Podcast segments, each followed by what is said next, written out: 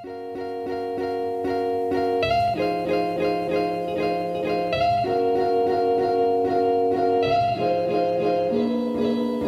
kuulate investeerimisklubi podcasti, kõik on hästi, pea püsti, sõidad, kuulad seda bitti silmistu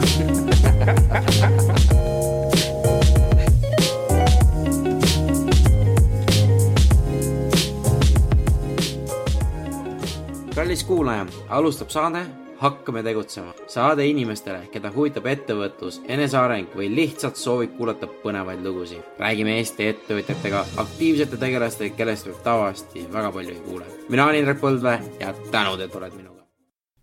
head kuulajad, et ennem kui saate juurde läheme, et äh, tuletan meelde, et kui teil on huvi minna investeerimisfestivalile see aasta, mis toimub Kallaste talus ja Padise mõisas kuues kuni kaheksas juuli siis äh, investeerimisklubi.ee, sealt äh, festivali alt leiate piletid ja kui panete promokoodi Hakkame tegutsema, saate natuke soodustust. et äh, sinna tasub kindlasti minna, sest seal on äärmiselt palju põnevaid inimesi ja kindlasti, kui on huvitav investeerimine ja kõik sihuke asi, siis. siis ma soovitan minna ja võtta maksimum sellest üritusest. tänase saate külaline on meil Marko Olo ja Marko räägib ka väga palju just, et kuidas ta iseennast nagu äh, tervena hoiab, kuidas ta endale aega leiab, kuidas ta noh, tööl ka häkib iseennast ja, ja kõike sihukest asjad, see on nagu hästi-hästi põnev, et Marko on päris aktiivne igal pool mujal ka ja nad korraldavad see äh, suvi ka festivali. see on jälle üks hea koht, kus positiivseid inimesi, mõtle, mõtlevaid inimesi äh, tutvuda ja, ja ümbritseda ennast paremate inimestega. et, et kindlasti uurin ja kui on teil küsimusi, mõtteid, kirjutage indrek, et hakkame tegutsema.ee Äh, jagage Facebookis, kommenteerige, tehke, oleks super tänulikud.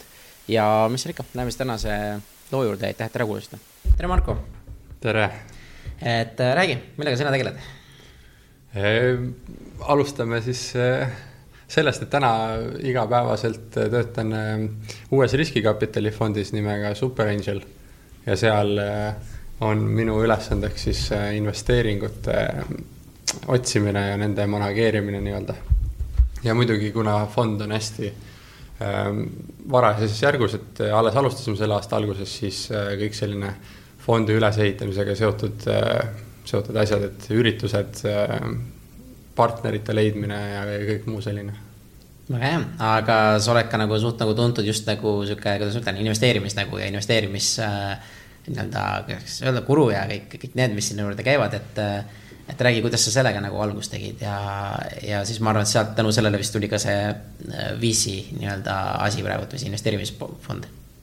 jah, äh, kunagi sai alustatud siis äh, hea sõbra Tõnis Tõnis Merkuljeviga, kes on ka siin saates ju käinud, et temaga alustasime investeerimisklubi, see oli siis kaks tuhat neliteist aastal. Mm, ja alustasime Tartust, sellepärast et mõlemad olime Tartust pärit, küll aga elasime sellel ajal juba Tallinnas aga siis, eh, kuna Tartus oli rohkem tuttavaid, siis eh, mõtlesime, et teeme esimese sellise ürituse Tartus.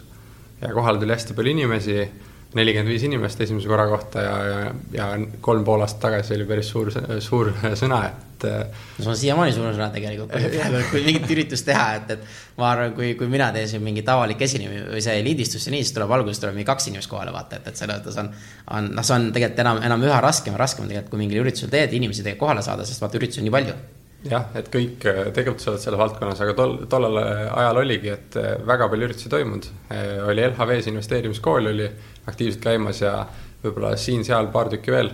aga, ja see oli üks põhjus, miks me alustasime ka selle investeerimisklubi tegemist. ja siis see kasvas Tallinnasse umbes pool aastat hiljem ja, ja tänaseks on nii Tallinnas kui Tartus ja klubi liikmeid aktiivselt on kuskil kolmsada viiskümmend. üritus tegeleb läbi aastas üle kahe tuhande inimese ja, ja kokku on huvigrupis selline kuus, kuus pool tuhat. et äh, täitsa, täitsa pull asi on see ka. ja et, et äh, noh, vot, vot see Eestis on see ikka nagu päris suur tegelikult, et äh, seda rahvaarvu ja niimoodi.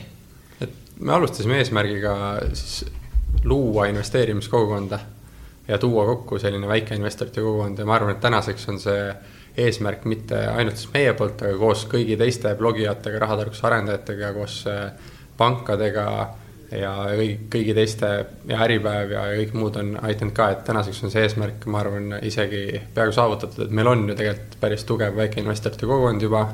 Ähm, ja, ja üritusi toimub väga palju, et, et äge on näha, et, et äh, töö on vilja kandnud. ei no see on super äge, aga ütle mulle, miks sa sellega alustasid ise nagu, et, et ja kuidas sina nagu üldse sellise investeeringute ja nende asjade juurde nagu jõudsid? seda on, seda on hea meenutada, et tagantjärgi tekivad igast analoogiad, on ju, et kuidas üks, üks tee võis olla see, et ka gümnaasiumis tegin õpilasfirmat, selline ettevõtlus, võib-olla pisik sai sealt alguse ja võib-olla see kanduski edasi siis edasi, edasi pärast ülikooli ka ja tänu sellele saigi alustatud mingite noh, investeerimisklubiga ja muude ettevõtmistega. Aga teisalt jällegi võib-olla Tõnist mainides, et Tõnis oli esimene, kes meie pundis nagu otse investeerimisest rääkis. Ehm, et tal, ta oli lugenud läbi siis mõned raamatud USA-st ja siis eh, kunagi kaks tuhat kümme, üheksa aastal tõi, rääkis, et, et poisid, et mul, et me võime kõik rikkaks saada ja siis, eh, siis kõik mõtlesid, et oh, et et see on mingi umbluu jutt, aga nagu aeg edasi läks, siis hakkasid kõik vaikselt tegelema ja uurima ja ja tänaseks oleme siin, et, et kuskilt äh, kas tuttavatest äh, sõpradest või kuskil koolist sai see pisik alguse, ma arvan. aga mis, mis, mis see koolis oli, mis sa tegid seda õpilasrühma, miks sa üldse tegid ja, ja mis sa õppisid sealt? Äh, me tegime, alustasime kümnendas klassis ja meil oli üks äge õpetaja, kes oli hästi ettevõtlik ise, ise ja ma olengi selle üle väga tänulik, et, et on koolis nagu hästi aktiivsed ja innustavad õpetajaid ja tema siis kuna meil koolis oli Junior Achievement'i programm, mis alus, algas kuuendast klassist, oli selline majandus kallakuga kool ka, ehm, siis seal oli võimalus kõigil õpilasfirmad teha, väga vähesed hakkasid sellest kinni, aga, aga meie olime siis ühed neist, kes hakkasid ja, ja tegime toole, selliseid kokkupandavaid toole.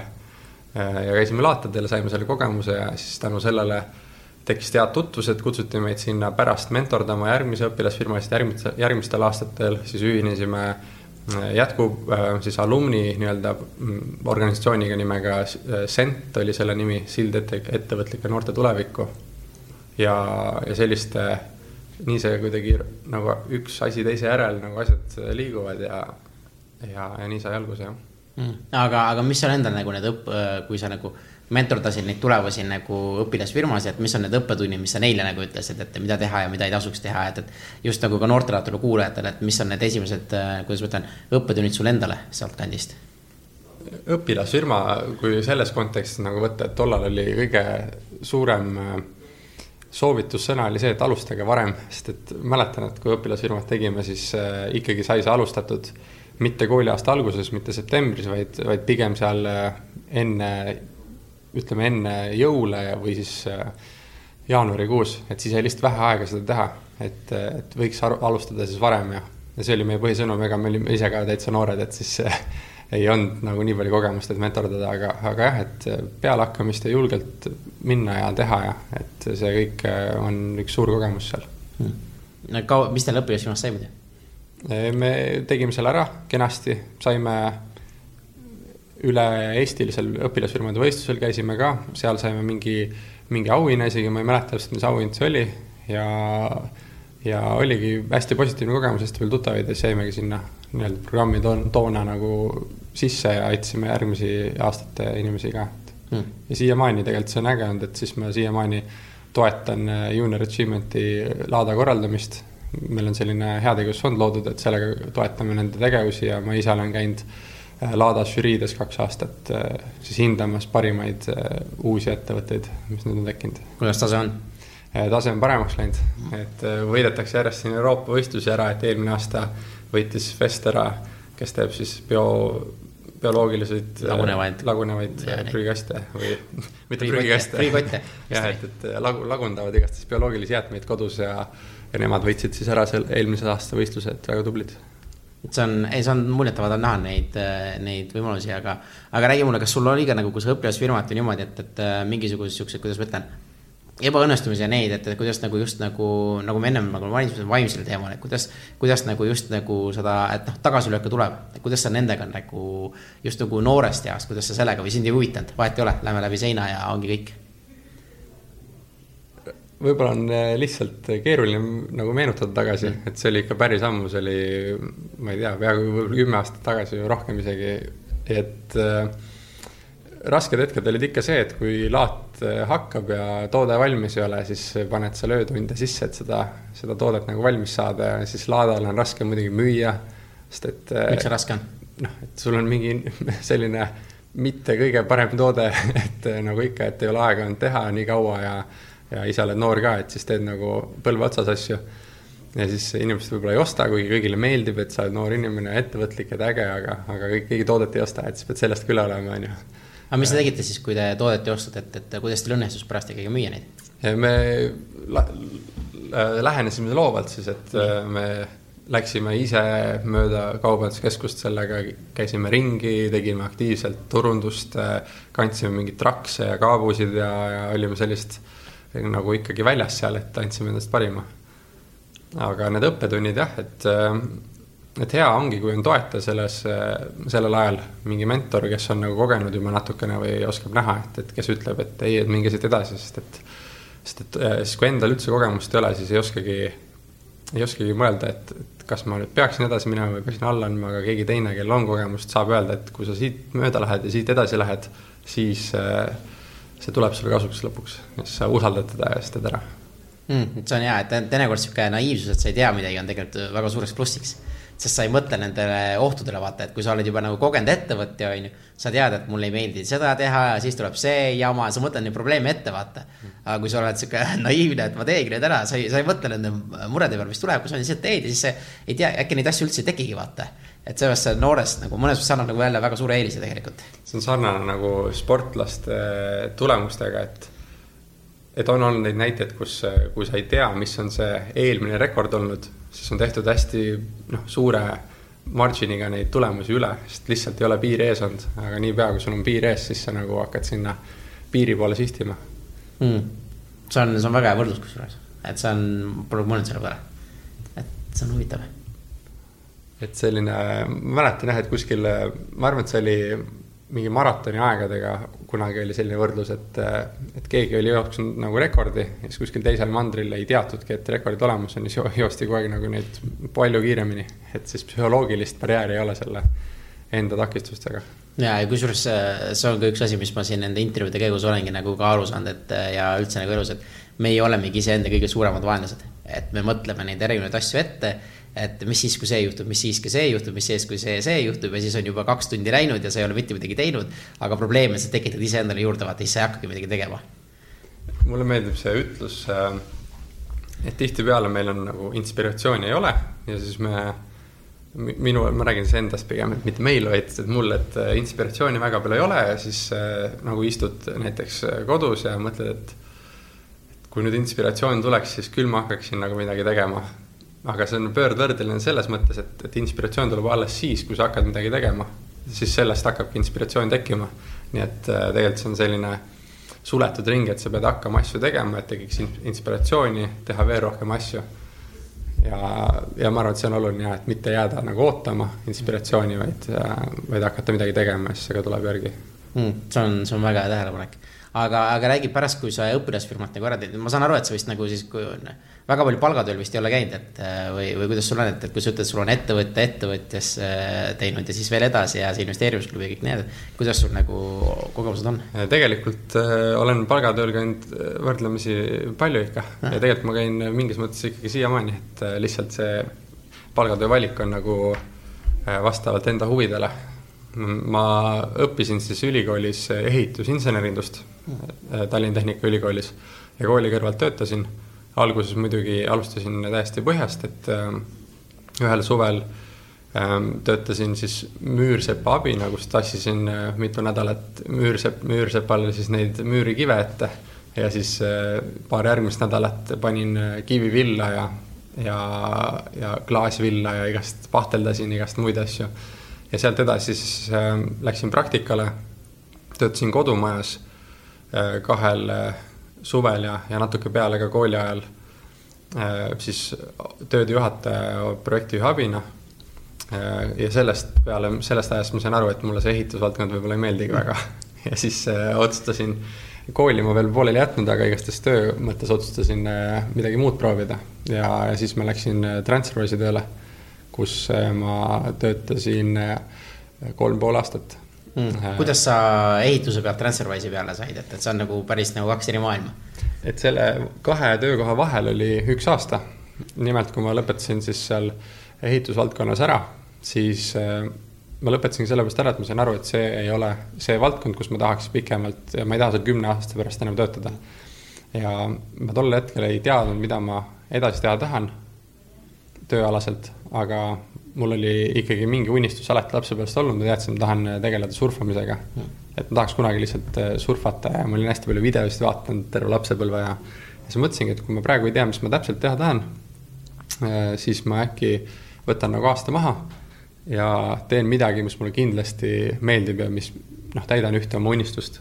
ja siis äh, leidsingi võimaluse kooliga minna Portugali aastaks ja valisin välja siis koha kus on kõige soojem, et siis äh, Lissabon on äh, Euroopa kõige soojem pealinn. ja sinna läksin äh, siis aastaks kooliga nii-öelda, aga kuna hästi palju aineid oli tehtud juba, siis väga palju koolis käima ei pidanudki. ja siis aasta möödus siis surfates ja korvpalli mängides, kuna ma sain seal ühte korvpallitiimi ka, et siis kahte asja tegin, mis mulle väga meeldisid. ning minu, minu teooria on selline, et kui sa teed asju mis sulle väga meeldivad, täidad oma unistusi, siis sul hakkavad ellu tekkima ka teised uued asjad, mis eh, on samamoodi sulle väga meeldivad. et sa ehitad sellist positiivset, eh, positiivset spiraali ülesse. ja minu, minu ellu tuli siis eh, finantsid ja, ja investeerimine ja kõik sellised teemad tulid tugevamalt sisse. et kuna mul oli aega surfamise ja korvpalli mängimise kõrvalt lugeda ja, ja, ja oma asju teha, siis ma hakkasin lugema igast äh, finantsalaseid raamatuid ja hakkasin tegelema siis investeerimisega, siis sel ajal ma hakkasin ka aktiivselt, sisenesin Balti börsile ja ühisrahastusse. ning äh, põhimõtteliselt, kui ma aasta, aasta täis sai ja ma tagasi tulin, siis mul oligi hästi suur huvi kogu finantsvaldkonna vastu, kogu, kogu rahaasjade vastu. ja ma vaatasin, mis on Eestis kõige ägedam koht, kuhu võiks äh, siis tööle minna ja kogemusi omandama hakata. siis mulle tundus, et Transferwise on see koht, mis äh, tõesti on kõige ägedam, sinna ma proovisin siis kandideerisin ja, ja sain ka ja, ja nii järgmised kolm pool aastat äh, läksidki kuni siis ähm, kaks tuhat kaheksateist aasta äh, veebruarikuuni. aa ah,, okei okay,, siis just nagu hiljuti, nojah, siis on see vesting periood nii-öelda, et.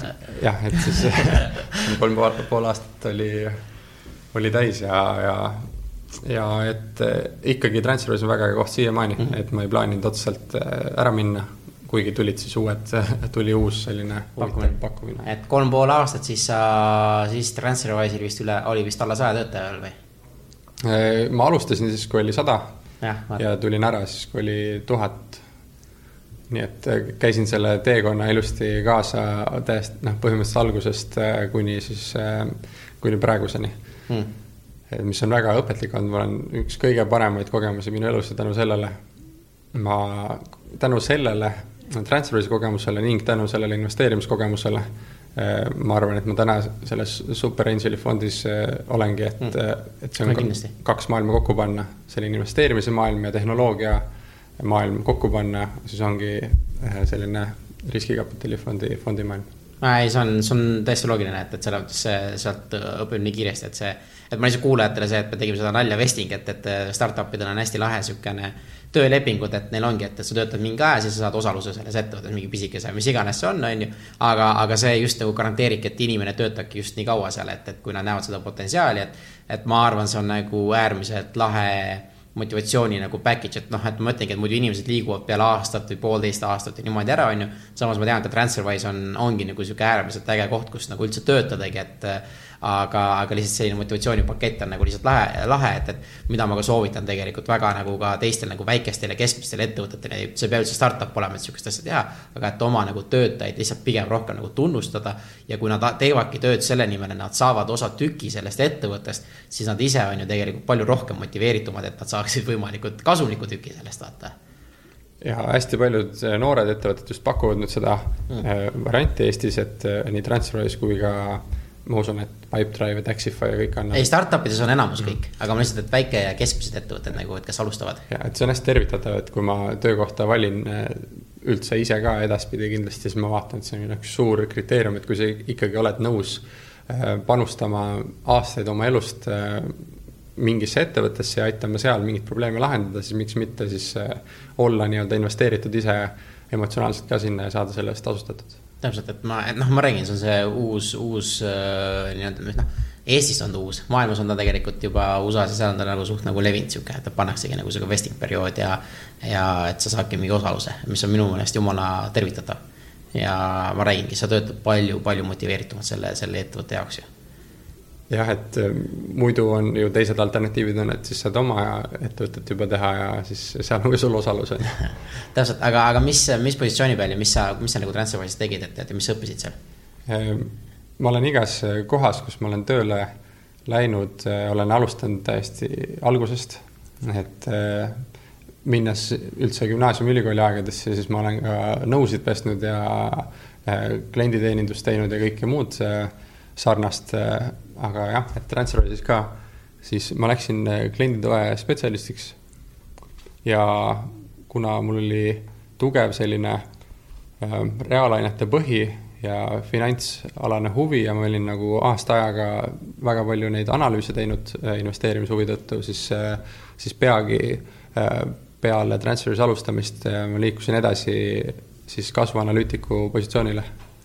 ja, ja seal töötades ma olin kasutajakogemuse tiimis äh, kasvuanalüütik ja, ja seal äh, siis üle aasta kasvuanalüütikuna ning siis, äh, siis tiim arenes sinna, et, et ma olin rohkem kasulikum tiimile mitte ainult analüüsiga, vaid ka toote juhtimisega ja, ja selline meeskonna juhtimisega. Ja siis, siis sai edasi liigutud veel, siis ma olin tootejuht tervel tiimil ähm, kuskil poolteist, kaks aastat, et ähm, tiim oli siis kolmes riigis, Londonis, noh, Suurbritannias, Ukrainas ja Eestis. ja kokku oli lõpuks oli seitseteist inimest tiimis. Hmm.. selline, selline hästi tänulik Transferwise'ile ja selle kogemusele, et see on õpetanud mulle enamus äh, asju, mis ma tänasel päeval tean tehnoloogiamaailmast et see ongi, aga ütle mulle, kuidas nüüd on ju, võtame Dancewise'i kõrvalt, et samal ajal sa tegid ka investeerimisklubiga, kuidas sa suudad nagu aega, et vaata. see ongi see, et, et äh, sa ei, sa ei ole nii tugev ettevõtja kui ettevõtlik. et sa oled nagu hullult nagu ettevõtlik just nagu selle oma investeerimistega, oma nagu noh, samas sa oled ka ettevõtja, sest sa oled oma ettevõtte loonud kindlasti, mitu isegi.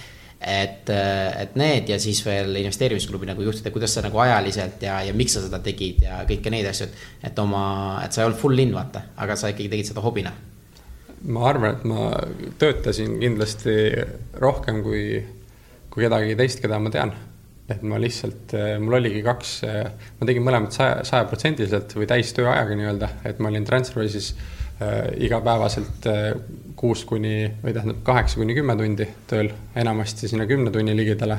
et hommikul läksid ja kell kuus-seitse tulid ära ja siis hakkas teine tööpäev tihtipeale investeerimis klubi asjadega tegeledes, et siis alates kella kuuest kuni kella üheni tihtipeale tegin investeerimisklubi asju ja siis läksin magama ja siis hakkasin uut, uuesti otsast peale, et äh, ma lihtsalt kolm-neli aastat äh, töötasin kindlasti, ma ei tea, julgen öelda neliteist tundi kindlasti päevas. et äh, oli kuidagi motivatsiooni ja oli nagu jõuda, et, et seda teha ja, ja asjad läksid väga hästi, et miks mitte et äh, jah, et äh, mina raputan pead, et sa, et see on nagu päris crazy, et neliteist tundi päevas, et. et kuidas sa nagu eraelu ja kuidas kuidas sa nagu selle vastu võitsid, et sa nagu läbi pole, et see on ikkagi tegelikult päris palju, et just mitte nagu puh, breike võtta ja neid, et kuidas, kuidas sa selle vastu nagu võitled? et mul on selline ähm,, mõtlen, et äh, siin on kaks huvitavat asja, üks on see, et mulle meeldib ka reisida ja siis ma olen teinud äh,, proovinud nii teha, et igal aastal äh, ma võtan ühe pikema reisi, et ma olen käinud sellisel kolmenädalasel kuni kuuajasel ajastel reisidel, et ma teengi nagu väga kõvasti tööd ja siis ma lähen kuuks ajaks kuhugile Aasiasse ja siis seal tsiklitega sõidame ringi või mingit, mingeid muid asju teeme. et olen nagu seda praktiseerinud, mis on, aitab, aitab sellist tasakaalu väga hästi hoida. aga ma proovin olla ka tasakaalus iga päevaselt, et, et selleks, et teha hästi palju tööd, on, peab olema täidetud siis mingid äh, põhivajadused sul elus ja need peavad olema täidetud heal tasemel. nimelt sa pead olema kindlasti puhanud, et magama peab väga korralikult. siis peab äh, trenni tegema äh, hästi regulaarselt, siis peab sööma hästi. et kui need kolm asja on füsioloogiliselt täidetud, siis saab ka nagu vaimselt pingutada rohkem. et olen proovinud nagu seda hoida ja teiseks, millest ma aru sain on see, et inimese mõistus äh, petab teda natukene. et äh, me isegi, me imestaks, imestaksime, kui me teaksime, kui palju see meid petab.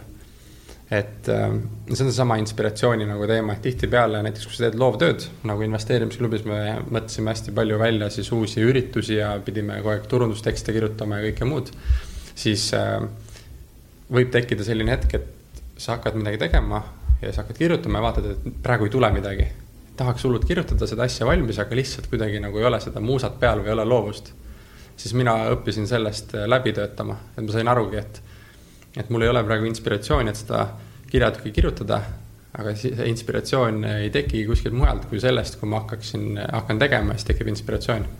nii et ma lihtsalt äh, sel hetkel, kui ma tundsin, et praegu ei tule midagi, siis sel hetkel ma hakkasin kirjutama ja siis äh, peale kümmet, kahtekümmet minutit lihtsalt äh, sõnu ritta pannes, mis midagi loogilist ei, millest midagi loogilist välja ei tule, siis hakkab tulema inspiratsioon ja siis hakkavad asjad kokku tulema.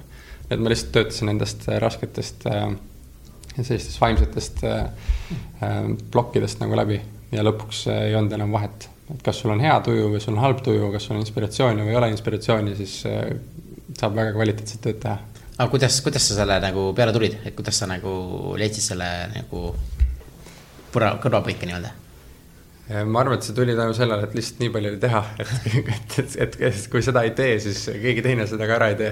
ja siis mingi hetk oligi lihtsalt, et oli suhteliselt kehv äh, nagu olla, et ei olnud loovust peal ja siis lihtsalt mõtlesid, et nüüd on vaja ära teha ja siis hakkasid tegema ja siis nägid, et asi sai täpselt sama hästi valmis kui siis, kui loovus peal oli tegelikult lihtsalt võttis natuke kauem aega, aga asi sai tehtud, on ju. jah, ja, ja, ja tegelikult kokkuvõttes võttis ta vähem aega, sest kui ma sel hetkel oleks pausi teinud ja võib-olla järgmine päev kirjutama hakanud, siis oleks asi nagu päev hiljem valmis saanud.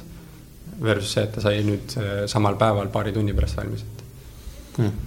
et selline tööeetika või distsipliin, aga, aga ma ei tea, kas see on äh, selline, kas see on mul loomupärane või, või see on lihtsalt ähm, või kaasasündinud või õpitud või et äh, inimesed võivad proovida, äkki töötab nende peal ka. aga sa oled kindlasti maininud seda kellelegi, et kas on keegi nagu seda meetodit veel nagu proovinud või, või ei ole veel? me Tõnis Denissiga oleme koos nagu teinud seda investeerimisklubi poolt just äh, noh, ongi käe, käsi käe kõrval äh, kogu aeg nagu koos teinud. nii et tema on ka seda tähele pannud, et ma mingil hetkel lihtsalt kogu aeg midagi tegin, et isegi siis, kui oli hea halb olla, et siis ikkagi läks, läks tegemisse asi, et ja on proovinud, et ikka töötab jah, mingis mõttes, aga jah, keeruline, kindlasti raske. Ei no alguses on kõik rasked, et üks niisugune põnev lause, mis, mis mul eelmine aasta tuli äh, oma nagu ellu, et on see, et, et kerged valikud, rasked elud, raske elu, rasked valikud, kerge elu.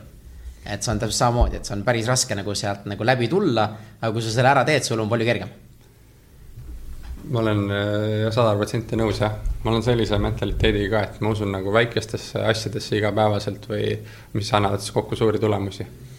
et see on lumepalliefekt on ju? jah, ja sellepärast ma võib-olla teen imelikke asju elus ka, et ma praegusel hetkel äh, jooksen äh, iga päev, et täna oli siis kahesaja üheksakümne teine vist jooks järjest äh, iga päev.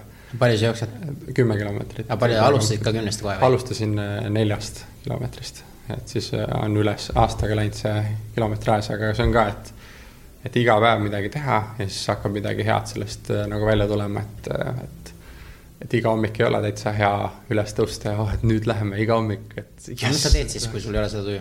et lähen jooksma. Lähed jooksma ja siis tekib hea tuju, et peale jooksu ei ole kunagi olnud sellist hetke, kus oleks väga halb olla, et. Isegi siis, kui lumi väljas, vihma sajab, pori seed, et mis siis on, et.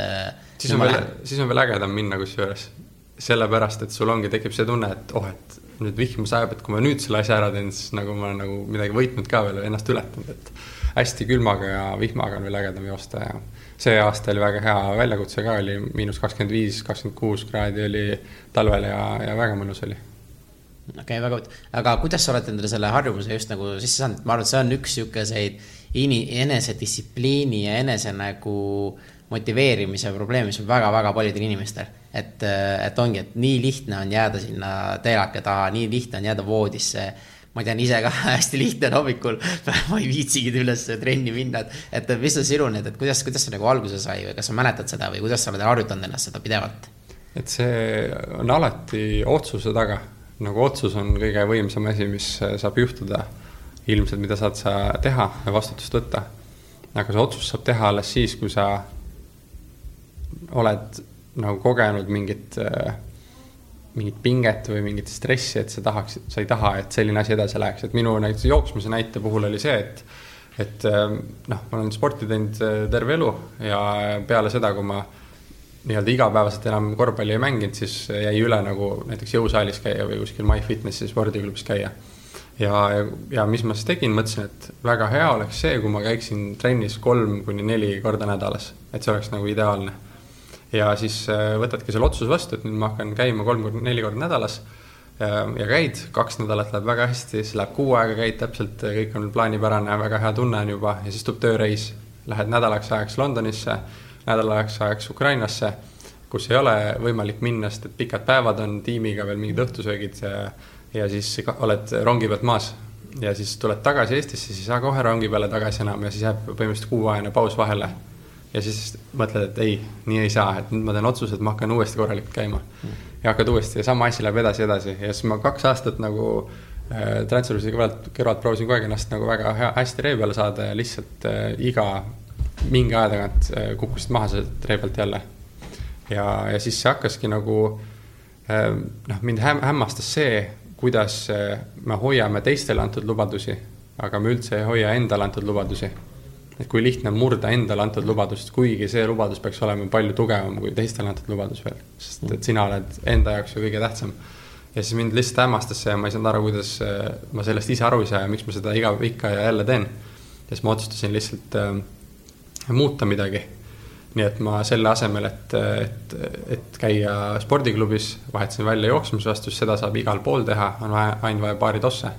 ja siis ma otsustasin tuua trenni igasse hommikusse, sest et siis, kui see on esimene asi päevas, siis ei ole sellist takistusi, takistusi, et seda mitte teha, sest et kui õhtusse jätad, siis tuleb alati midagi, võib midagi vahele tulla ja sa ei saa enam teha.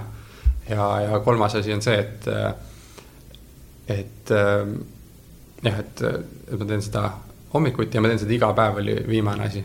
sest et kui sa, kui sa ütled, et ma teen kolm korda nädalas, siis võib juhtuda see, et ma esmaspäevast kuni reedeni ei tee. või esmaspäevast, esmaspäevast kuni neljapäevani ei tee trenni siis mõtled, et ma nüüd kolm päeva teen. aga siis tuleb midagi vahele ühel päeval ja siis jääb ikkagi kolm trenni, noh, jääb tegemata, et siis tuleb kaks ainult. et siis äh, viimane komponent oli jah, et teha iga päev, siis ei ole võimalik äh, isegi eksida selles.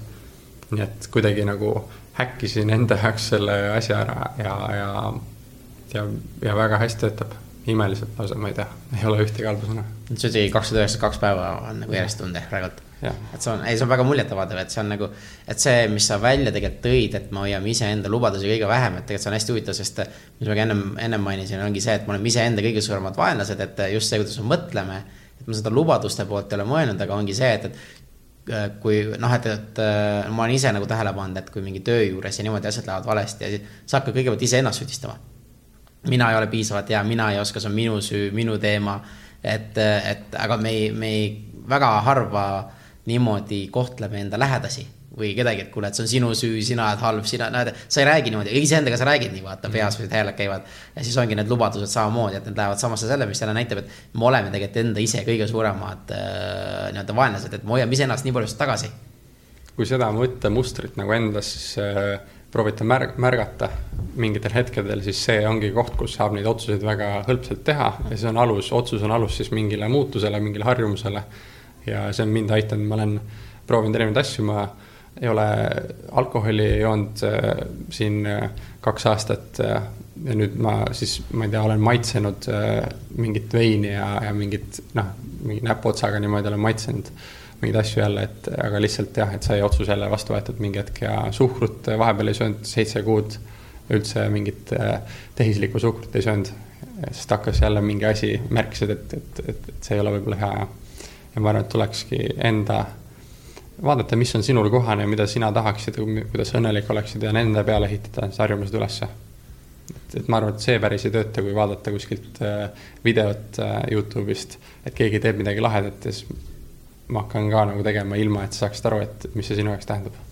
kusjuures see on hea point, sest äh, et äh, justkui sa ei tea, miks sa seda teed, vaata, või mis see sulle annab, vaata, et sellepärast, vaata, sellepärast ongi need uusaasta lubadused on minu meelest nagu noh, need on mõttetud, sellepärast et, et mis seal oli ka uuringus, et jaanuarikuus tõusevad jõusaalide nagu piletite müügid mingi kahesajakordselt ja veebruaris on ainult kolmkümmend protsenti neist inimesest, kes, kes nagu teevad, et on veel jõusaalis, vaata, mingi sihuke statistika on.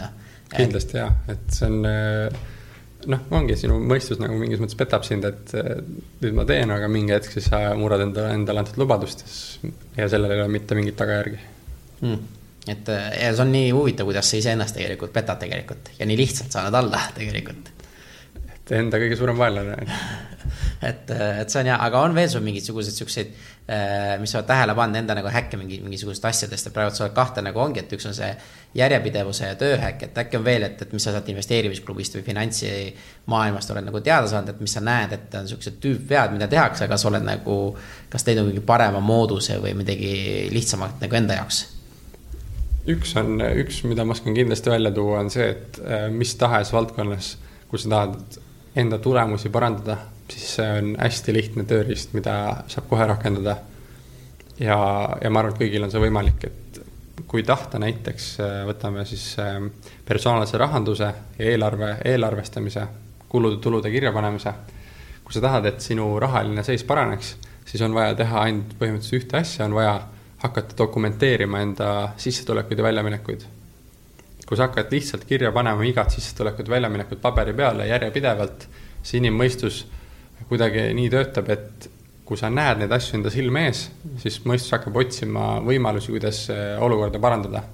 et kui sa näed iga kuu, et sul joone all on ikkagi miinus, et sul, sa oled rohkem raiskanud, kui sul sisse tuleb, ja kui sa näed seda iga kuu, siis sa teed paremaid eh, finantsotsuseid tänu sellele.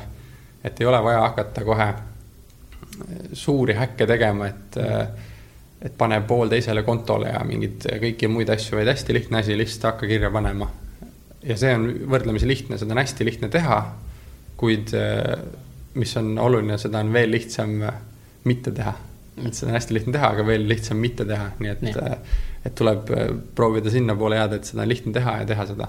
ja sama näiteks spordiga ka, et kui sa tahad, et sinu spordis tulemused paraneksid, siis mitte see, et sa käid lihtsalt iga päev trennis või teed iga päev mingit sporti, vaid see, et sa pane iga päev oma tulemust kirja ja siis sul hakkab aju genereerima võimalusi, kuidas saaksid paremaks, et selline Äh, dokumenteerimine on, ma arvan, üks võimsamaid selliseid tööriistu ka mingite tulemuste parandamiseks. kuidas sina dokumenteerid, kas sa paned arvutisse või sa kirjutadki päriselt paberi peale? mul on äh, selline eelarvestamine on Excelis, et ma olen viis aastat äh, siis iga kulu jälginud, iga sissetulekut, väljaminekut ja mul on viie aasta siis Exceli tabelid eelarvetega igakuiselt, iganädalaselt nagu kirjas, et tänu sellele äh, ma olen, ma ei kujuta ette, mitu protsenti, aga igastahes äh, väga suurel hulgal on noh, suutnud rohkem säästa, kui ma muidu oleksin seda teinud.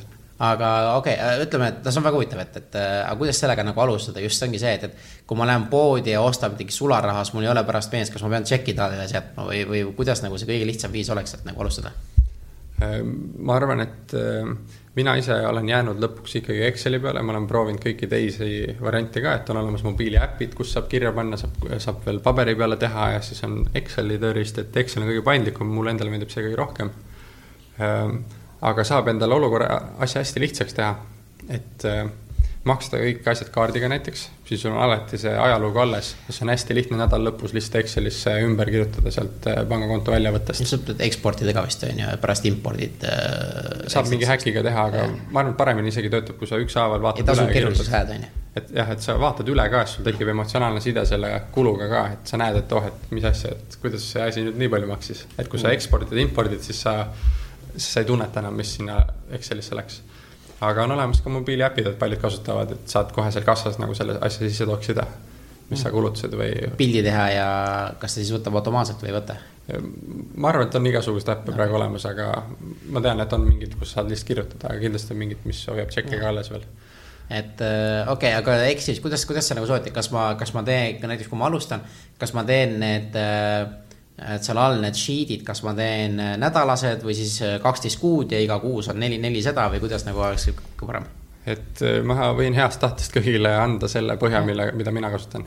et mul on, kuna ma olen seda ise viis aastat kasutanud ja viie aastaga on see asi arenenud ka ja ma arvan, et see on piisavalt heas staadiumis, kus see on nagu hästi kasutatav ja hästi lihtsalt arusaadav siis ma olen selle üles pannud investeerimisklubi lehele ka, et. no paneme lingi ka siis ja. Äh, sinna, et, et. Äh, kes võib-olla praegu kuulab, jääb meelde, see on www.investeerimisklubi.ee kaldkriips finants ees märk, aga siis ä asemel on A-täht, finants eesmark okay.. aga paneme sinna alla ka, on ju. jah, ma panen äh, saate märkmetesse need. seal on kaks, kaks asja, mida saab alla laadida, on see eelarvestamistabel, mis ongi juba tehtud, et iga kuu on eraldi alalehena ja mm -hmm. iga kuul siis on olemas veerud kulude-tulude jaoks ja et ja seal on juhend ka juures, see on alguses veel esimene leht on juhend, olen teinud mm.. ja teine asi, mis saab alla aidata, on enda eesmärkide seadmise tabel ka, et, et kes, kõik, kes tahavad, siis võivad võtta. miks seda vaja on? eesmärkide tabel on, on jällegi võimas tööriist, võib-olla see on teine asi, vaata, sa küsisid, et, mis on paar asja mm. -hmm. võib-olla selline lugu taha, et, et kes meist ei ole tahtnud kunagi saada nagu miljonäriks, et kunagi see on ikka peast läbi käinud ja tihtipeale, kui sa oled selline kahekümnendate alguses noor äh, mees või tüdruk, on ju, poiss või tüdruk mm., siis äh, tekib unistus, et või noh, vaadates kõiki Hollywoodi filme ja kõike muud, et tahaks saada miljonäriks. ja, ja tihtipeale tekib see, et ma tahaks kahekümne viieselt olla miljonär. ja siis, kui sa oled seal kahekümne kolme, nelja aastane juba, siis sa vaatad, et okei okay,, et see on veel kaugel, et siis sa lükkad edasi, et ah, ma tahaks kolmekümneselt olla miljonär mm.. ja siis, kui sa oled kakskümmend kaheksa, üheksa, mõtled, et ma tahaks kolmekümne viieselt olla, et alati tekib mingi ma ei tea, miks selline viieaastane ajaperiood, kus sa mõtled, et, et nüüd ma äkki saan miljonäriks, on ju. ja siis, äh, ja siis sul on selline nagu salamisi see unistus, aga see ei ole kuigi saavutatav. sellepärast, et sul ei ole sinna neid ees, väikseid eesmärke, mis sa mis ma peaksin täna tegema, mis ma peaksin järgmine kuu tegema, mis ma peaksin ülejärgmine kuu tegema, et olla kursil äh, saamaks viie aastaga miljonäriks mm.. siis finantseesmärgi tabel on hästi võimas tööriist, tööriist, mis aitab näha et kui sa teed neid tegevusi, mis sa täna teed, siis kuidas sul äh, see trajektoor läheb või kuidas sul hakkab finantsiliselt minema hmm.? kuidas sa täidad seda, et äh, see on viie aasta siis eesmärgid paned sinna või? seal võib panna kahekümne aasta, ta arvutab välja, kui kakskümmend aastat sulle välja. et automaatselt umbes, et mis iga kuu nagu säästma ja niimoodi pead, et see on, see on põhimõtteliselt on siis finantseesmärkide planeerimine. jah, täpselt. okei, et noh, kuna ma ise olen startup maailmas, siis ongi, et mina, mina enam ei usu näiteks panna viie aasta eesmärke, sellepärast et äh, ma räägin, ühe päevaga on see, et, et ma kaotan oma kõige suurema kliendi, ma kaotan tegevjuhi ja ma, ja noh, kogu ettevõte on nagu hoopis teises seisus ja minu viie aasta plaan läheb kuradi ma kus iganes välja, on ju, et, et et, äh, et mis mina olen nagu leidnud, et ma panen panen mingisugused äh, kohad, kuhu ma tahan jõuda, vaata, või kuidas ma tahan elada näiteks või midagi sihukest, et et panen nagu teistmoodi eesmärgid, ma tahan olla see ja ma tahan näiteks, et ma ise võtan nagu, et äh, see on jälle teistmoodi, vaata, et äh, ongi, et minu näiteks selle aasta eesmärk on saada väga heaks avalikuks esinejaks, et ma proovin kogu aeg avalikult esineda, teha ja neid intervjuusid rohkem teha, et ma rohkem areneks, et et see on mingi sihuke asi, vaata, mis, mis siin muutub ja mis sõltub ainult minust, vaata et, et ma olen nagu sellest nagu, see on nagu lihtsalt minu enda arusaamine, et, et, et sihuke, et ma proovin viie aasta pärast saada väga rikkaks, okei okay,, see on väga hea, on ju, aga, aga see elu võib nii muutuda, et sul võibki ülehomme avastada, sul on vähk, vaata. siis ei juhtu midagi, et ma, ma saan sellest eesmärkidest aru, aga kas sa ise nagu paned ka neid väikseid eesmärke või paned endale ainult need suured viieaastased eesmärgid? et äh, ma üldiselt lähtun, alustan nagu baasist, et mul on mingi selline struktuur peas, et, et esimesena ma mõtlen läbi, et mis, milline inimene ma ise olen, millised on minu väärtused.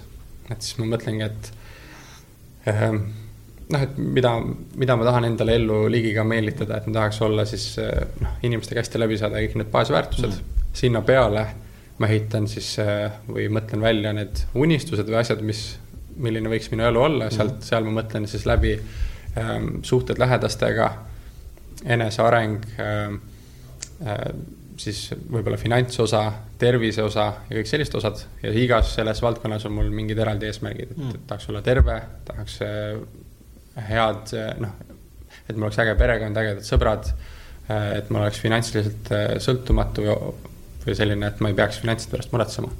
ja siis, et neid asju saavutada, siis ma olen nagu välja mõelnud, et et, et on mingid eesmärgid, mida me peame tegema, näiteks üks, üks on see, et olla terve, siis sa pead iga päev näiteks mm -hmm. jooksma. Eh, et olla, et sul oleks head suhted sõprade ja, ja lähedastega, kes sa pead sinna aega panustama, et sa pead sõpradega tegema mingeid tegevusi ja, ja kaaslasega aega veetma päris palju. mitte pead, vaid tahad ka, on ju. ja siis finantside koha pealt on see, et ma oleks finantsiliselt sõltumatu või objektiivne, siis ma pean iga päev ka tegema mingeid asju.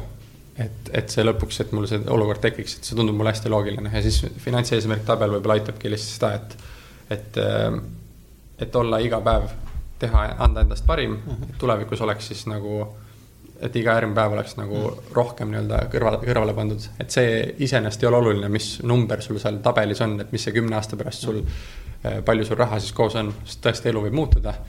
aga on oluline see, et sa iga päev nagu natukene mõtleksid selle peale ja teeksid midagi, sest et.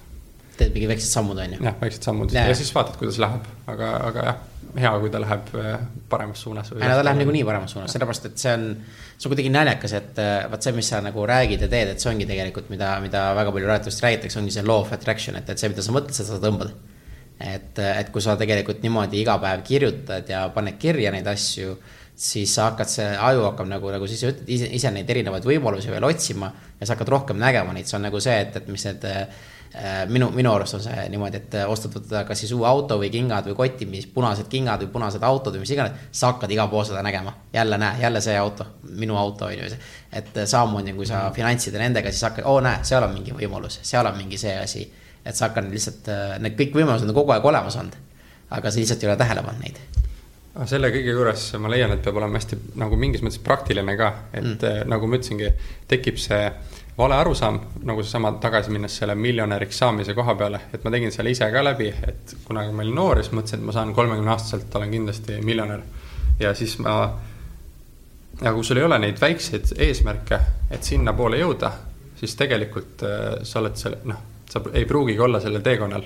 Mm.. et näide on selline, et, äh, et ma, ütleme, et ma olin kahekümne aastane ja ma arvasin, et ma olen kahe, kahekümne viieselt miljonär ja, ja mis minu, minu hetkeolukord toona oli, oli see, et mul ei olnud äh, väga suurt sissetulekut, ma panin kuus võib-olla äh, viiskümmend äh, eurot kõrvale või tollal olid kroonid, ma mm. panin mingi krooni kõrvale. ja ütleme, panin siis, ma ei tea, sada krooni iga, iga kuu kõrvale, on ju. ja siis, kui ma arvutan välja, et, et kui ma paneks sada kuu, sada krooni iga kuu kõrvale ja järgmised viis aastat, siis oleks mul kokku tulnud nelikümmend tuhat krooni et siis see unistus, et saada viie aastaga miljonäriks, on täiesti ebareaalne. selleks, et ma oleks saanud miljonäriks, ma oleks pidanud panema kõrvale umbes kolm tuhat viissada krooni eh, igal kuul. aga selle vahe on kardinaalselt teine, mis minu hetkeolukord oli, nii et on oluline mõista ka, et, et mis sa täna tegema pead, et jõuda sinna ja mitte omada nagu neid ebarealistlikke unistusi, sellepärast et eh, omades neid ebarealistlikke unistusi, võid sa lihtsalt eh, pettuda et sa ei saavuta neid, kuigi sul ei olnudki kunagi alust neid saavutada.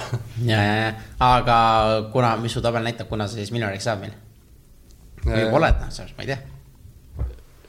kroonimiljonär küll jah, aga euromiljonär ei ole veel, aga eks näha ole, et mul ei ole ka noh, kui ma teen iga päev asju, mis mulle meeldivad ja olen asjadega rahul, siis see ei ole üldse oluline. Äh, peaasi, et on, elu on äge ja, ja täpselt need, oled terve ja ägedad inimesed on ümber, et küll ta tuleb, ega tulemata ei no ei, absoluutselt, et, et see point on väga hea, et, et tegelikult, mis ma ise olen ka aru saanud, tegelikult kui sa ei tee tegelikult asju raha pärast, siis see raha ise lihtsalt tegelikult leiab sinu juurde selle teekonna, lihtsalt see võib väga valulik olla teinekord, et see võtabki aega, et see ei tule kiiresti, aga ma arvan, et sihuke, sihuke dokumenteerimine on nagu hästi, hästi-hästi huvitav asi, et mida teha. et mis ma tahtsin nagu, nagu rohkem nagu teada, oligi see, et, et mis on sinu enda veel äh, nagu sa räägid väga palju investeerimisest ja sellest, on ju, et äh, ma tean, äh, siin mõnedel äh, ongi oma tuttavatel ja nendel ongi sihuke dilemma, et, et tahaks investeerida, aga ei tea, kuhu, sellepärast et summa on liiga väike või summa on sihuke liiga, noh, et ongi, et on näiteks mingi kümme tuhat eurot või siis on mingi nelikümmend tuhat eurot, et mida ma teen sellega, et, et aktsiaid osta või niimoodi, et ei tea, ei oska. ühisrahastused on ka sihuke, et raha oleks vaja, et, et kus sina nagu ise nagu soovitad, oleks see mõistlikum alustada see on sihuke kuldküsimus umbes, et kui sellele vastust tehakse, oleks kõik miljonärid, on ju. kui mul on praegu tuhat eurot, siis kus ma selle panen, et ähm, ma võib-olla vastan kahte moodi, ma ütlen võib-olla, mis ma ise teen, kus ma mm -hmm. investeerin ja teiseks äh, juriidiliselt korrektne vastus ka, et ähm, ma arvan, et investeerimine on piisavalt äh, selline riskantne ala, et seda ei saa nagu liiga lihtsustatud võtta, et päris nii see ei käi, et, et ma midagi selle kohta ei tea ja siis ma panen raha kuhugile ja see kasvab elu lõpuni väga hästi läheb, et äh, seal on riskid ikkagi sees. see ja see on nagu iga teine alagi, et äh, kui majandust õpitakse koolis ka mitu aastat, siis investeerimine on kompleks, ka üsna kompleksne ala, et seda läheb ka mitmeid aastaid, et see, et mingit äh, baasi selles luua. nii et ma soovitan kõigile lugeda ja ümbritseda ennast inimestega, kes tegelevad investeerimisega. ja siis saab aktiivselt kogu aeg nagu ähm, arutleda nendel teemadel, ennast kurssi viia. sest et mis muidu juhtub, kui ma annan praegu soovituse, siis tehakse selle soovituse järgi, aga kui mingi nüanss muutub selles olukorras siis Sina kas, siis olen mina süüdi, et, et siis tuleks tagasi, mis ma nüüd teen, et mm. pigem tuleks jah, aru saada sellest maailmast ja osata ise neid muudatusi teha. aga mina alustasin, kui mul hakkas raha nagu kogunema väiksetes summades, siis ma alustasingi ühisrahastusest ja, ja Balti börsile panin ka midagi, et äh, ühisrahastus on meil igasuguseid ägedaid portaale, et ma ise täna investeerin äh, Mintoses ja, ja oma rahas ja, ja ka kinnisvara ühisrahastusportaalides. Ja, ja aktsiate koha pealt äh, mul hetkel üksikaktsiaid äh, ei ole, mm, kuna ma just ostsin kodu endale, et siis sealt osast ris-, riskantsemat portfelli osa ma nagu natuke tegin likviidsemaks aga mul on osa siis äh, suurt nendes ETF-ides ja indeksfondides läbi kasvukonto, mis on LHV toode, et. et ma vist ise, ise nagu, et ongi see, et kui ma ei tea mitte midagi sellest ja mind ei huvita üldse investeerimist ära, aga seda on vaja teada, et. et kõige lihtsam on tegelikult indeksfondid, nagu ma saan aru, ja pikaajalised indeksfondid jah, et äh, väga äge toode on, LHV-l on kasvukonto, kus saab siis äh, kasvõi nädalas kümne euro kaupa või kuus kümne euro kaupa indeksfondidesse raha panna kasvõi midagi, et. et vaikselt tiksub seal ja las ta olla, on ju et selle kohta võib, võib ka siis natuke rohkem lugeda, et mitte kohe tormama raha panema, aga natuke lugeda ja. ja ma arvan, et need on kaks kohta, kus saab väikeste summadega alustada, kui on juba rohkem raha, nelikümmend tuhat eurot või rohkem, siis ma arvan, et tuleks natukene, natuke harida ja, ja ongi lugeda ja võib-olla võtta osa mõnest väga asjalikust äh, äh, loengusarjast või, või sellisest äh, investeerimiskoolist hmm. äh, ja siis mõelda selle peale et investeerimiskool, kus räägivad nagu praktikud, kes on ise investorid ja. ja kuidas nad teevad niimoodi, et jaa, ma tean, et Kristel Liivamägi käis mul ka siin, et, et hästi fantastilist asju nagu, nagu räägib ja teab täpselt nagu. me ise alustasimegi, eelmisel aastal alustasime investeerimisinstituudiga, kuna koolides investeerimisharidust sees ei ole, siis me tegime sellise era organisatsiooni nagu Investeerimisinstituut, kus on lektorid, ongi Kristjan Liivamägi ja Tarvo Varmets, kus me teeme seitsme nädala, seitsmenädalased siis äh, õppeained või väljaõpped. Äh, ja need on siis üks aasta oleme nüüd teinud ja üks, üks vilistusring on meil olemas ja, ja erakordselt äh, äge, äge asi on see, et hmm., et sellistest asjadest tuleks, ma arvan, osa võtta, kus ongi praktikud räägivad läbi siis akadeemilise teooria pluss oma praktikaga asjad täiesti selgeks et see on kindlasti väga hea, et, et, et ma võin eksida, mul just see indeksfondidega, mis mulle meeldis ka, et Warren Buffett vist tegi kihlu ju et äh, börsimaagrite või kellegagi, et. pensioni pens,, pensionifondid või jah, mingi aktiivselt juhitud fondide siis halduritega. ja et kümne aasta peale, kumb nagu teenib rohkem, kas indeksfond, kus ta mitte midagi ei pea tegema ise ja, või siis need, kes teevad ja siis vist. Kui ta oli seitse aastat tehtud, siis nad nägid, et indeksfond juba võitis ära või, või midagi sihukest, et maksti enneaegselt nagu raha juba Buffettile ära jah, et selle nüanss oli veel väga huvitav see, et nad panid, ma ei tea, kui palju nad raha nad täpselt panid, aga, aga ütleme, mõlemad panid viissada tuhat. Äh, ja, ja mis nad tegid, nad hoidsid seda raha alguses ühes aktiivselt juhitud fondis nagu hoiul selle kümne aasta perioodil.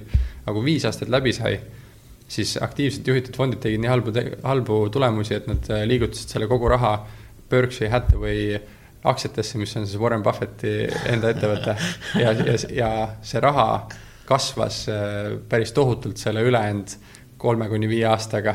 nii et lõpuks, kui nad said seal raha annetada, et neil eesmärk oli lõpuks mm. annetada, siis nad said annetada äh, kõvasti rohkem raha, sest et äh, Berkshire Hathaway oli teinud hästi häid tulemusi, aga lihtsalt vahe, vahe. ei, ei, see on hästi, see on, see on väga põnev, et aga väga hea, siin on nagu hea, hea koht panna selline äh, stopp-märk, et äh, ma saangi sult küsida küsimusi, mida ma küsin ka kõigilt teistelt oma lugude kangelastelt, et kas sul, äh, me natuke ju puutusime, et endal mingi kindel hommikurutiin, et kuidas sa nagu päeva alustad, et nagu ma aru saan, on jooksmine.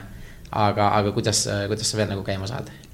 see on, hommikurutiin on päris äge asi, mis, mis oleks hea isegi üles seada, et see annab, see on kõige suur, parem algus päevale.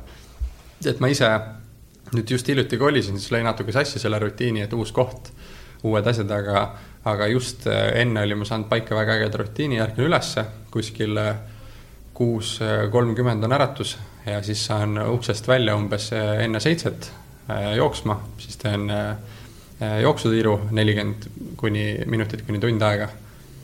siis tulen tagasi, käin pesus, siis teen, panen munad keema, teen endale siis söön natukene valgurikast toitu, siis mõned võileivad või täistera müslid või mingid asjad kõrvale. siis teen tassi teed, tee on väga mõnus selline, võtadki selline mõnus teelehtedest, mitte pakiga, vaid teelehtedest tehtud tee, siis teed mõnus tee hommikusöögi. ja, ja selle kõrval loed midagi või, või vaatad mingit harivat asja, kuulad mingit podcast'i ja siis on hea algus nagu päeval tehtud, on see aktiivne osa tehtud, pluss on keha on saanud vajalikud toitained ja kõik muu. Ja siis äh, on järgmised vallutused, et siis hakkab päev peale. et see on hea, aga kaua sul endal aega läks, kuna sa selle hommikurutiini nagu endale nagu leidsid üldse? Äh, ma leidsin selle, äh, ma arvan, et jooksmisega leidsingi. et. kakssada üheksakümmend kaks päeva tagasi ja umbes jah, midagi, mis see teeb üheksa-kümme kuud tagasi, et, et sellest hetkest, kui sul hommikul, iga hommik on mingi asi, mis sa teed, siis peale seda saabki ehitada sinna mingi, mingi muu asja, et muidu ma kujutan ette, et oleks ikka see, et mõni hommik äh, läheb see snuusi nupp alla, on ju, ja mingi hommik äh, nädalavahetusel üldse mõtled, et oh, nüüd ma magan täiega kaua ja, ja kõik see lööb nagu rütmi sassi, et, et mul on praegu äh, läbi kõikide päevade enam, enamasti on sama, sama rutiin, et. aga kuidas sa näed seda muutust eelneva sellega, et äh, need viimased aasta ja siis ennem seda, et, et kuidas sa tunned ise? Juba see tunne, et hommikul saab äh, kõige olulisem asi tehtud. et tervis on, ma arvan, kõige olulisem asi meil elus üldse, sest kui on halb olla, siis ei saa mitte midagi muud põhimõtteliselt teha mm. -hmm. et äh, see annab väga hea alguse päevale, kui sul on, kui sa oled oma tervisesse juba panustanud ja teiseks oled, äh, on hommik on, hommikusöök on võib-olla kõige tähtsam söök. Ma ei ole spetsialist, aga mulle, mulle töötab kuidagi, et, et siis saad kaks kõige olulisemat asja kohe tehtud ja siis hakkad järgmiseid olulisi asju tegema. ja, ja aga... siis lõpetadki oluliste asjadega väga lahe äh,. räägi, kuidas sa ise nagu äh, mentorlusse suhtled ja kas sa oled, kas sa oled väga palju mentoreid kasutanud ja kas sa ise nagu mentordad ka? ma, ma tegin seda eelmisel aastal ma mõtlesin, et ma tahaks selle kohta noh, et seda praktiseerida. Ja kuna mult hästi paljud inimesed küsisid, kas ma olen nõus nagu neid aitama just selline personaalse rahanduse investeerimise vallas, vallas, siis ma võtsin neli inimest äh, endale, keda ma siis äh, nii-öelda coach in või, või mhm. mentordan. Mhm. ja, ja tänaseks mul, ma enam ei tee seda, sest et, äh, sest et see töötas väga hästi, aga ma arvan, et, et, et tahaks midagi muud teha et võib-olla see ei ole jah, esimene valik, mis ma, mis ma teeksin, sain hea kogemuse ähm,. Aga kuidas ma suhtun sellesse, et äh,. ega see on abiks või kas sa ise ennem kasutasid ise nagu mentoreid? et ma olen kogu aeg nagu seda kontseptsiooni kasutanud, aga ma olen isegi leidnud, et kõige paremad äh, mentorid ja kaaslased on need inimesed, kes on enam-vähem sinuga samal tasemel kellega sa liigud nagu külg, külg, külje kõrval, sest te saate nagu üksteist täiendada. et tihtipeale valitakse mentor, kes on äh, ilmatuma edukas ja ta on nii edukas ja nii kaugele juba jõudnud, et äh, ta ei mäleta väga seda kohta nagu kus sina olid ja ta ei oska sind nagu sealt kohtadest edasi aidata. nii et ma olen näinud, et kui sul on hea, ma kutsuks seda isegi meeskonnaks, et, et loo enda ümber hea meeskond äh, kahest, kolmest, neljast inimesest, kes, kellega saad igapäevaselt oma ideid vahetada. ja nendega siis koos liikuda nagu samm-sammu kõrval kogu aeg edasi. ja ma arvan, et sa liigud kiiremini võib-olla kui isegi mentoriga, et, et selline jah, suuremat, sellist edasijunuvat mentorit, et teda peaks kuulama ka, aga mitte igapäevaselt võib-olla siis, et ta vahepeal aitab sul suunda õigeks panna ja siis sa jälle tragid edasi oma, oma meeskonnaga. aga mul küsimus on see, kuidas sa leiad sellised inimesed, kellega koos nagu samm-sammult nagu edasi minna, et see on väga-väga keeruline tegelikult, et ma tahan uut ettevõtet alustada, kus ma leian mingi siuksed inimesed ja ma tahan investeerimisega tegeleda, et ongi, et need, need on küll üritused, aga, aga kõik on erinevatel tempodel ju, et on sul endal jah, äh, ma arvan, et lihtne, et äh, kui sa tahad äh, mingis kindlas valdkonnas endale head coach'i mentorit leida, siis hakka seda asja tegema. Lihtsalt, kui sa hakkad seda asja tegema, siis sa hakkad märkama inimesi, tead, kes sellega tegelevad teised ja lõpuks tekib sinu ümber ringkond, et täna on minu sõbrad on kõik investeerimisega tegelevad inimesed või kõik, kes on investeerimisklubis käinud, et, et lihtsalt see punt nagu on tekkinud minu ümber. sellepärast ma lihtsalt iga päev tegelen nende asjadega, et mm Äh, ma arvan, et äh, pane aega sisse, hakka tegema ja siis hakkad märkama ja tekivad inimesed. väga hea, see on hea soovitus.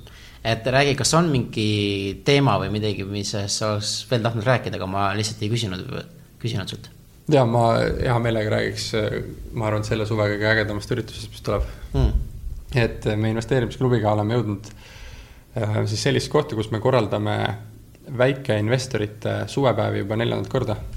ja sel aastal on ka nimeks investeerimisfestival ehk et ongi mõnus kolmepäevane suveüritus, kus tulevad kokku äh, enamus Eesti väikeinvestorid ja, ja rahatarkuse arendajad ning äh, oleme kutsunud ka väliskülalise seast ja toome Lõuna-Koreast lendab kohale Steve Broderson, kes on The Intelli-, The Investors podcast siis üks asutajatest siis see on üks äh, kõige äh, tuntumaid investeerimispodcast'e üle maailma.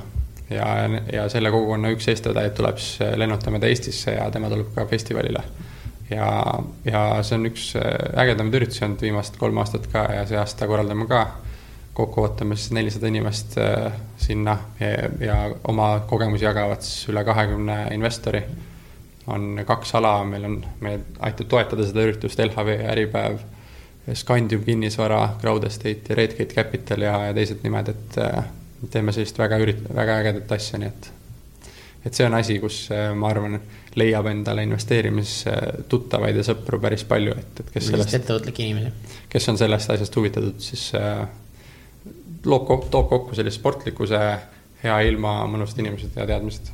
noh, väga lahe, et selleks on kindlasti ka meil viited ja lingid ka, et paneme alla, et, et äh, inimesed leiaksid selle üles, vaata.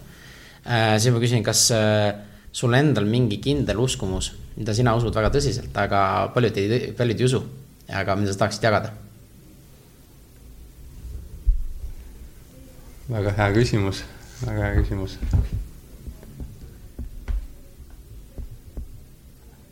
Ma, ma siinkohal pean täitsa mõtlema mm. -hmm. et see on selline koht, äh, mida peaks nagu jah, kuidagi võib-olla isegi ette valmistama.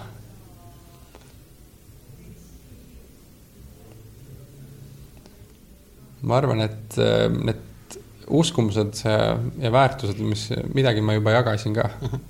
Et, et paljud ongi, kokkuvõttes ongi need, et üks on see, et kust inspiratsioon tekib, äh, see tekib tegutsemisest. oluline on igapäevaselt panustada enda elus kõige olulisematesse asjadesse. ja, ja kolmandaks ma arvan, et selline äh, finants äh,, hea finantsolukord aitab lahendada ka hästi palju muid probleeme, sest et see aitab võtta ära seda äh, tähelepanu ebaolulistelt asjadelt. Sellised üldised väärtused ja, ja ma arvan, et jah, ühte sellist uskumust äh, ma väga rangelt kinni ei hoia, et ma proovin olla ka hästi õpetatav inimene ja, ja õppida hästi kiiresti. no mina nagu sinu nagu sellest äh, teekonnast ütlen just see uskumus, et äh, et kõik, mis sa arvad, mis on võimalik, on vale, et tegelikult on palju enamat võimalik, et, et ongi see, et, et kui sa oled väsinud, ei tule loovust ette, siis lihtsalt tee edasi ja küll see tuleb, on ju, et. et, et see, mina, mina just loen nagu seda välja, et see on nagu sinu enda nagu sihuke üks uskumusi, et, et kõik on ületatav et. Äh, jah, võib-olla kokkuvõttes ongi see, et ma proovin oma psühholoogiat või oma teadlikku mõtlemist nagu äh, kogu aeg äh, kutsuda välja või challenge ida mm.. et ma tean, et see on tekkinud mingitest mustritest, võib-olla isegi valedest, et äh, mis siis, kui ma prooviks midagi teistmoodi mm. -hmm. teeks midagi teistmoodi ja, ja siiamaani on töötanud, nii et mul on intuitsiooni nagu seda edaspidi ka teha, ma arvan. see on väga huvitav, sest ma just mäletan, et mul üks tuttav ka rääkis, et üks usakas, kes tahtis saada Delta Force'i või sinna, et noh, et, et üks kõige crazy maid nagu armee üksusi on ju. aga ta ülekaaluline oli ja siis ta hakkas treenima ja siis ta tegi ultramaratoni jooksu ära, mis oli vist mingi kakskümmend neli tundi pead jooksma, on ju. ja, ja siis ta selle ajal õppis ka seda, et, et ongi, et kui ta oli mingi kümme või üksteist tundi jooksnud, et siis ta aju ütles, et annan alla et ei viitsi enam, ei taha, aga ta pingutas edasi, tegi ära ja siis ta õppiski seda, et, et, et alati, kui aju ütleb, et nüüd enam ei jõua, siis see tähendab et, et viiskümmend protsenti on veel sul vähemalt sees veel. ja just, just äh, jah, ma olen ka seda kuulnud, et umbes, et sel hetkel, kui sa tunned, et sul on piir käes, siis sa oled alles umbes nelikümmend protsenti oma potentsiaalist ära kasutanud. aga siis on hetk, kui paljud annavad alla võtta. Äh, ma täiesti usun, et ma, või mitte ei usu, vaid ma tean, et ma ise olen täpselt samas nagu sellest teinekord samas äh, patus, noh. ma arvan, et ma olen sellise mõttemaailmaga, kus ja ma soovitan teistele ka seda, see on hästi äge mõttemaailm, et kui keegi küsib sult, et äh, kas sa seda oskad, siis ma alati ütlen, et kindlasti oskan, aga ma võib-olla pole lihtsalt veel proovinud hmm.. et kui keegi küsib, et kas sa laulda oskad, siis ütlen, et ma kindlasti oskan, aga ma lihtsalt veel ei ole proovinud. et, et, et saad kõigega hakkama. ei, ma arvan, see on väga õige e,. siis järgmiseks on see, et, et kui sul oleks võimalik panna siin meil üks plakat, mis ei ole reklaam Äh, mis oleks see sõnum seal peal, mis inimesed nagu näeksid või, või võiksid lugeda?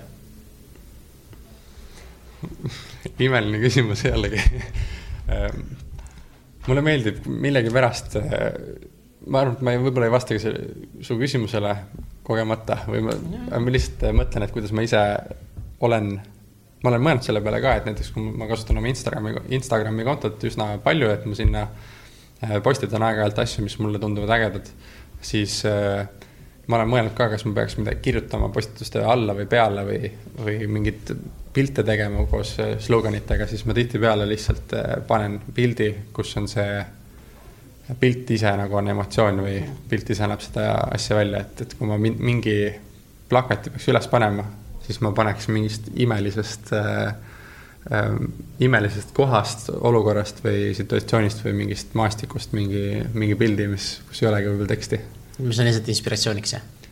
lihtsalt midagi, mul nagu võib-olla on selline asi tekkinud ka, et, et mulle hästi meeldivad kogemused ja ma hästi hindan neid kogemusi, kus sa kujutad ennast korraks ette, kus sa oled näinud midagi, mida sa mitte kunagi varem ei ole näinud, mis, kui sa oled kogenud oma esimest kogemust, ükstapuha millist, siis, siis see on see hetk, kus sul kõik muud mõtted kaovad peast ära ja sa lihtsalt oled silmad pärani suu ammul ja lihtsalt vaatad seda ja tõmbad seda enda sisse ja külma, külmavärinad käivad üle selja.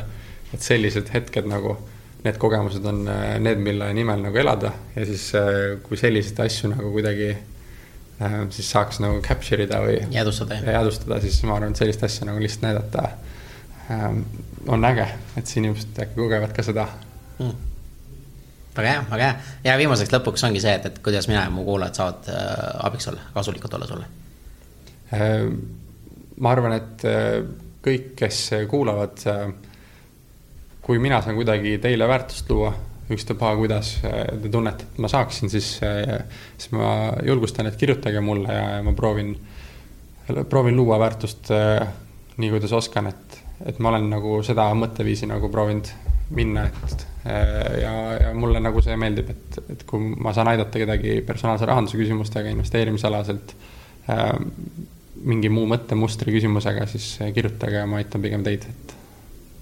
väga hea noh, ma ütlen nagu et äh, mulle meeldib ka nagu aidata, aga see on tegelikult mõnes mõttes ka iseenda aitamine, sellepärast et ma räägin, kui sa aitad teisi, siis sa saad tegelikult sellest siukse mõnusa laksu, vaata positiivselt, sa saadki keegi aidata. mis on minu meelest ongi see dopamiini laks, mis sa nagu ajus saad, millest äh, sõltuvus olla, et ma arvan, see on kõige parem sõltuvus, millest üldse olla, et, et aitad teisi, teised saavad seda rahulolu, sina saad rahulolu, et sina saad kedagi aidata, et ma arvan, et see on nagu uskumatult äge ja, ja ma arvan, et sellist asja peaksid nagu päris paljud teised ka, et see on, see on palju võimsam äh, narkootikum kui kõik muud või alkohol ja kõik need, et kui sa aitad teisi, see tunne, mis sa saad sellest, on, on nii fantastiline lihtsalt. jah, tingimusteta aitamine. täpselt, et see on super, aga väga hea, aitäh sulle, Marko, selle aja eest. aitäh.